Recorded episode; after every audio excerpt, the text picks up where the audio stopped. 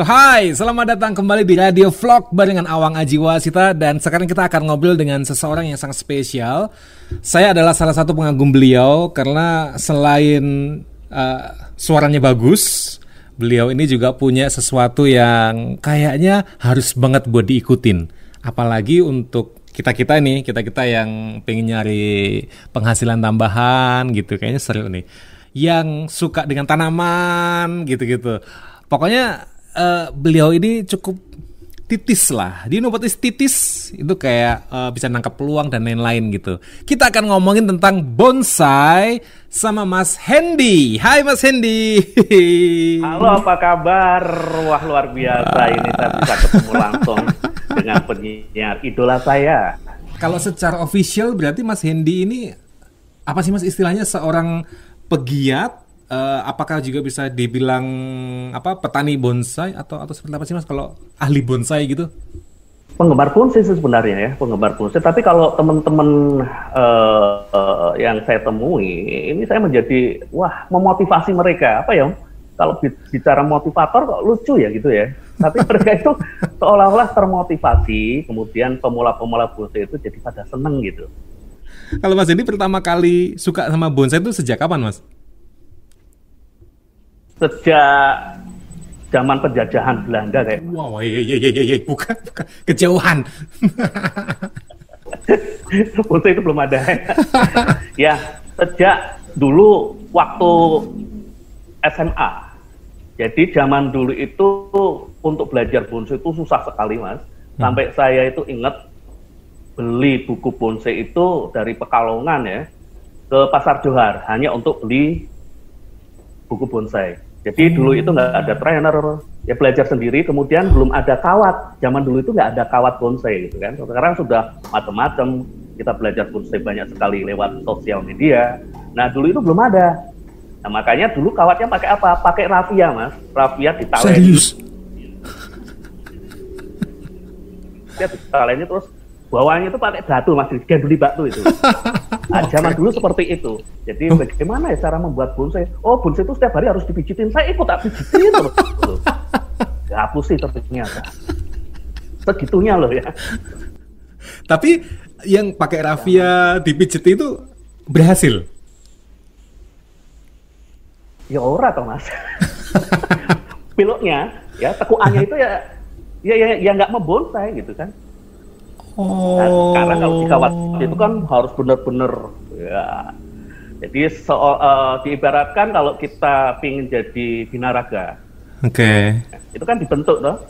Nah, yeah, yeah, seperti yeah. itu iya. dibentuk jadi jadi luar biasa jadi bagus. Kalau tanaman biasa nggak dibentuk ya kayak kayak kayak kayak jenengan itu. oh kalau kalau saya itu ibaratnya cilik digede gede kegedean ya ini saya ini gitu Gak usah ketawa loh mas. mas, tapi uh, akhirnya Mas Hendy uh, bukan hanya penggemar bonsai, akhirnya memotivasi juga. Itu kan istilahnya sudah sudah puluhan tahun berarti mas ya?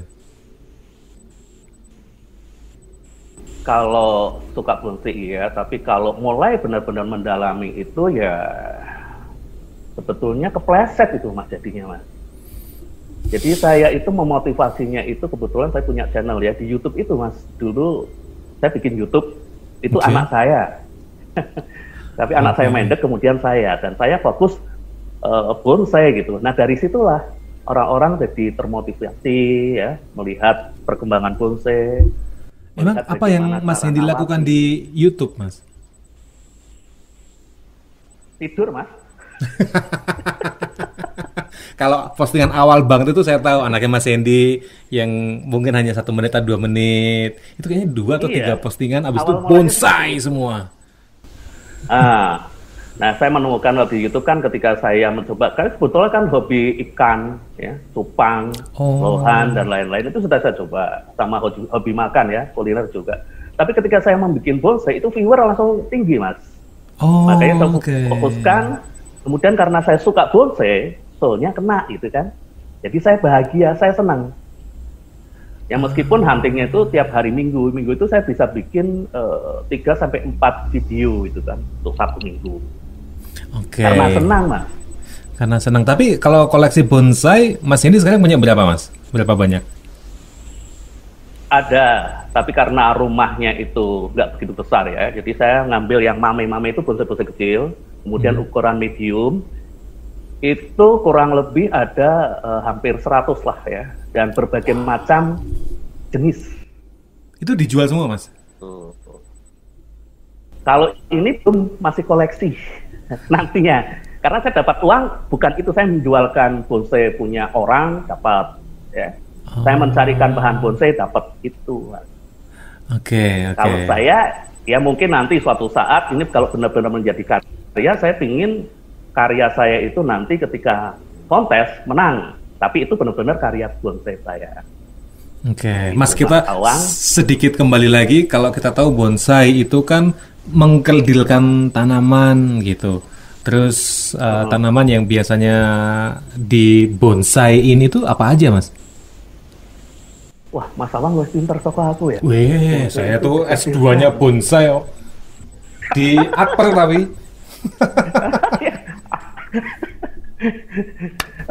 Aduh, eh disuntik wedi ngono ya.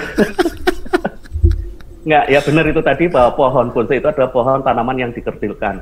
Okay. Bon uh, itu ini Jepang sih ya. Bon hmm. itu pot, sei itu tanaman. Jadi bonsai itu tanaman yang dikerdilkan yang kemudian ditaruh di pot yang dangkal.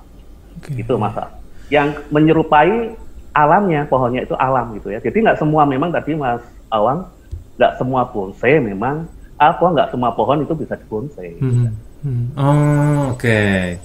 Nah, akhirnya uh, setelah kita kembali sedikit mengenai bonsai, hingga akhirnya sekarang punya koleksi 100 bonsai, jadi motivator dan lain-lain dan akhirnya dapat penghasilan juga dari situ.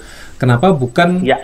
uh, kenapa bukan koleksinya semuanya udah karena ini sepertinya menguntungkan sekali kenapa nggak itu dijual aja mas kan maksudnya jual beli bonsai gitu mas pingin rencananya tapi ini jangka panjang ya masih jangka panjang karena saya mencintai bonsai saya yang karya saya itu agak eman-eman dulu untuk saya lepas mas. Itu hasil karyanya Mas Hendy semua berarti bentuk-bentuknya itu? Uh, uh, betul, oh. yang ada di rumah itu memang karya saya semua dan itu eman-eman. Saya ingin tapi suatu saat uh, yang karya saya saya bisa menikmati, mungkin anak saya bisa menikmati, next nanti dijual nggak apa-apa gitu ya. Tapi kan membentuk sebuah bonsai itu nggak nggak bisa sebulan dua bulan mas, kalau oh, ada ya? pemrograman yang lama sekali. Berapa lama mas? Di, dibutuhkan 5 sampai 8 tahun itu baru jadi loh Mas. Itu pun belum tentu jadi secara luar biasa, belum ya. Uh, itu. Wow. Makanya kalau ingin cepat ya beli yang sudah jadi atau yang setengah jadi. Oke, nah ngomong-ngomong beli yang sudah jadi atau setengah jadi, range harganya itu rata-rata berapaan Mas? Yang uh, mulai setengah jadi itu dari 5 ke atas. 5? Kalau yang sudah jadi yang 5 juta ke atas. Oke. Okay. Kalau udah jadi? Ya, karena harga harga tak terhingga. Tergantung oh, gitu. dari suka atau tidaknya kan. Kalau orang yang tidak suka bonsai ngapain kayak gitu kok dibeli mahal gitu kan. Tapi bagi orang yang suka bonsai dan prospek bahwa ini nanti dibentuk sebuah bonsai kemudian menang di kontes dan harganya bisa berkali-kali lipat, ambil biasanya seperti itu permainannya seperti itu mas. Oke. Okay. Jadi harus ada insting yang tinggi ini bakal menang. Ini uh, perakarannya bagus ini daunnya bagus, perantingannya bagus, ini prospek ke depannya bagus. Nah itu ambil. Nah ini yang susah, kan? Hmm. Nah, seperti itu. Ketika mulai uh, ada nominal-nominal dan ini bisa laku tinggi, laku tinggi segala macam, ini mulai seru nih karena ada ada kita mulai masuk ke duit nih berarti nih, cuan nih. Kalau ah, seorang ah. pemula mau masuk ke bisnis bonsai kayak gitu, mudah atau nggak mas? Mudah mas, jadi sudah ada kelas-kelas sendiri. Nah, ini yang saya sering disebut motivasi itu saya pemula-pemula itu saya motivasi bagaimana saya belajar untuk budidaya bonsai ya. Budidaya bonsai hmm. itu bisa dari stek, bisa ngambil dongkelan dari alam, kemudian bisa cangkok dan lain-lain. Itu yang yang harga karena bonsai yang besar itu kan bermula dari kecil, Mas. Ya, jadi teman-teman terkadang hmm. harus beli besar enggak. Kecil pun kalau prospek kalau bagus kenapa tidak? Harga kalau kecil-kecil itu mulai dari 10.000 kok. Serius mas? Atau iya yang kecil loh ya, tapi belum jadi bonsai itu masih bahan. Oh, oke. Okay. Masih okay, bahan okay. ya, bahan bonsai. Nah, oh. ini pangsa pasarnya sudah ada seperti itu, Mas. Di bonsai itu ada yang budidaya, ada yang ambil dongkelan ya, hunting di hutan-hutan, uh-huh. ya. Ada yang koleksi kolektor, kolekdol juga ada, koleksi didol itu. Oh, kolektor. Ada trainer oh. juga, spesial trainer itu juga ada. Trainer itu dibayar mahal karena seni bonsai itu kan nggak akan habis. Seni bonsai itu tidak selesai. Beda sama lukisan. Kalau lukisan hmm. sudah kuas terakhir, cet, sudah ya selesai ya, dipajang. Hmm. Hmm. Kalau bonsai enggak, Mas karena dia tumbuh kalau dibiarkan nanti semrawut lagi kan pohon-pohon apa daun-daun yang besar oh. nah, hidup dia jadi karya seni yang tidak pernah selesai itu bonsai makanya butuh trainer trainer itu apa ya yang nanti yang wiring yang nanti akan pruning motong daun-daunnya jadi bagus lagi jadi kalau memang nggak suka bonsai kemudian dipaksakan bonsai tadi bonsai beli bagus ya mas ya. Mm -hmm kemudian dibiarkan begitu saja, tadinya bagus itu bisa jadi nggak bagus karena kan tumbuh dia. Nah, Mas, kalau sekarang kita akan ketemu atau akan merekomendasikan untuk para pemula atau mereka yang sama sekali nggak ada background tentang perbonsaian ini, tapi kok kayaknya menarik ya bonsai banyak yang diminati, eh banyak yang banyak yang minat, peluang bisnisnya juga besar gitu. Apa aja yang dibutuhin mas kalau kita akan memulai bisnis ini mas, bisnis bonsai ini? satu yang pasti mencintai dulu, Mas Awan. Hmm. Kalau tidak mencintai ya susah ya. Orang kan ingin ngambilnya mungkin dari segi bisnisnya. Hmm. Ya. Tapi kalau dia benar-benar tidak menyukai atau tidak mencintai uh, bonsai, pengetahuan bonsainya nanti hilang gitu kan. Modal utama adalah mencintai dulu lah, gitu ya. Seneng, okay. kemudian dikembangkan karena ini kan uh, jalur bisnisnya banyak sekali di bonsai ya jalur bisnisnya banyak sekali. Misalnya, misalnya? Nggak perlu. Yang misal, yang pertama uh, tadi yang saya sebutkan adalah bisa menjadi trainer bonsai. Oke. Okay. Bisa menjadi uh, hunting bonsai, hunter atau bolang istilahnya ya. Jadi okay. mencari bahan-bahan bonsai di hutan. Oh. Ya bahan bonsai di hutan. Itu bisa dijualin loh, tapi merusak alam sebenarnya. Makanya ada yang ketiga adalah budidaya. Budidaya yang ambil dari stek bahan-bahan kecil-kecil dulu karena bonsai hmm. kan bermula dari kecil kemudian menjadi besar ya. Hmm. Campur tangan manusia jelas. Kemudian uh, ada kolektor, ada kolektol. Kolektol itu adalah beli bahan-bahan dari kolektor hmm. ya, yang belum seberapa, yang belum jadi, dibetulin nanti menjadi kolektol, koleksi yang bidol gitu kan. Nah, hmm. banyak. Kemudian uh, apa ya namanya ya? Kalau menjualkan milik orang lain itu apa namanya mas? Reseller gitu atau dropshipper? Istilah-istilah kampung itu loh apa ya namanya ya? Uh, calo, calo. Calo, calo, bener. Oh, bener, bener. Oh, oh. Calo itu loh. Nah, misal ya, misal nih saya kan, misal ya, saya tidak punya bahan bonsai, tapi saya suka bonsai, tahu, saya tahu pengetahuan tanah bonsai, kemudian tiba-tiba ya, uh, lewat media sosial, hei, kan tinggal moto-moto yang punya punya teman-teman nanti yang kenal-kenal itu loh, nah, dijualin gitu ya, dicaloin gitu kan. Nah kalau bisa Mas Awang, Mas jadi saya butuh bahan putih, padahal saya nggak punya, oke siap, ada budget berapa misal seperti itu, ya kita carikan. Itu kan peluang-peluang bisnis banyak sekali. Trainer aja mahal mas sekarang mas. Bisa sampai berapa mas? Trainer mahal. Garap pohon sehari itu dia bisa dapat 500 ribu loh. Wih, iya. lumayan mas Wow. Lumayan. Ya. Antara garap tiga uh. sampai empat pohon. Tapi kan nggak setiap orang bisa menjadi trainer.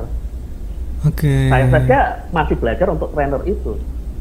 Karena hmm. trainer ini kan luar biasa dia ya kayak pelukisnya lah, kayak Avandinya gitu. Oh iya iya iya iya iya. Trainer iya, itu adalah senimannya. Ya, yang yang membuat bonsai itu menjadi menarik, yang menjadi bonsai itu menjadi bagus, itu trainer makanya mahal.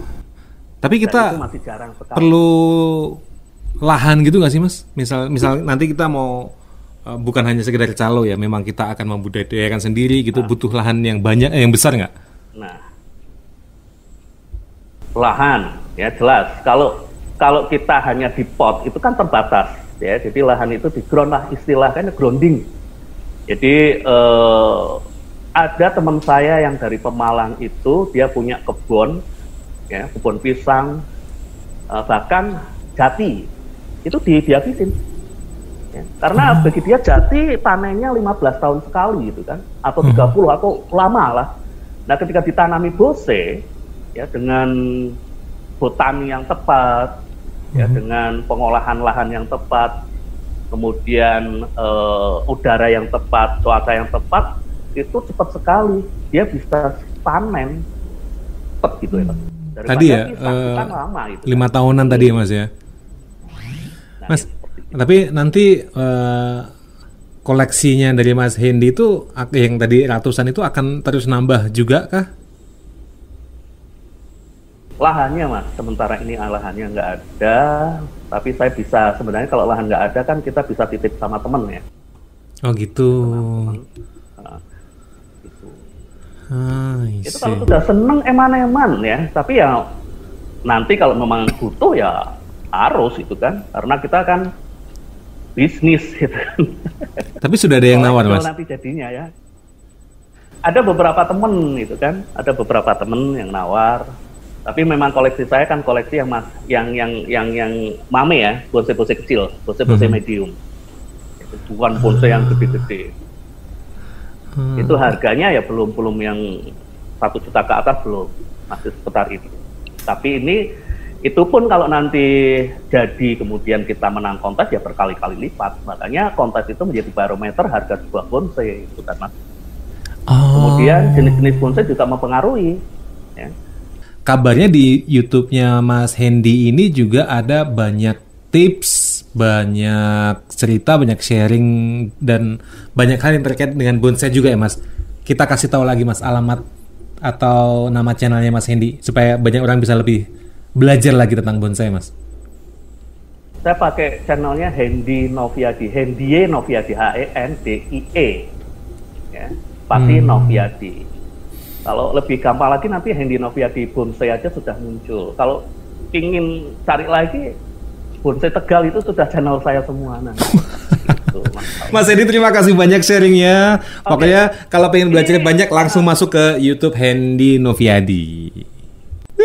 Terima kasih banyak. Semoga semakin banyak yang suka dan mencintai bonsai, semakin mikunan itu meraping lian Mas Hendy ya. Sehat-sehat selalu Mas Hendy. Pokoknya amin, kita harus segera ketemu dan amin, amin. saya akan belajar banyak dari Mas Hendy. Terima kasih banyak Mas. Sampai ketemu Mas. Bye bye. Oke. Okay. Jadi terima kasih yang sudah bergabung di Radio Vlog kali ini edisi selanjutnya akan ngapain saya, akan bersama siapa atau akan melakukan apa di sini. Tungguin aja. Yang jelas jangan lupa di like, subscribe, and comment karena kita semakin dekat kan kan ada pepatah tuh tak kenal maka tata yang.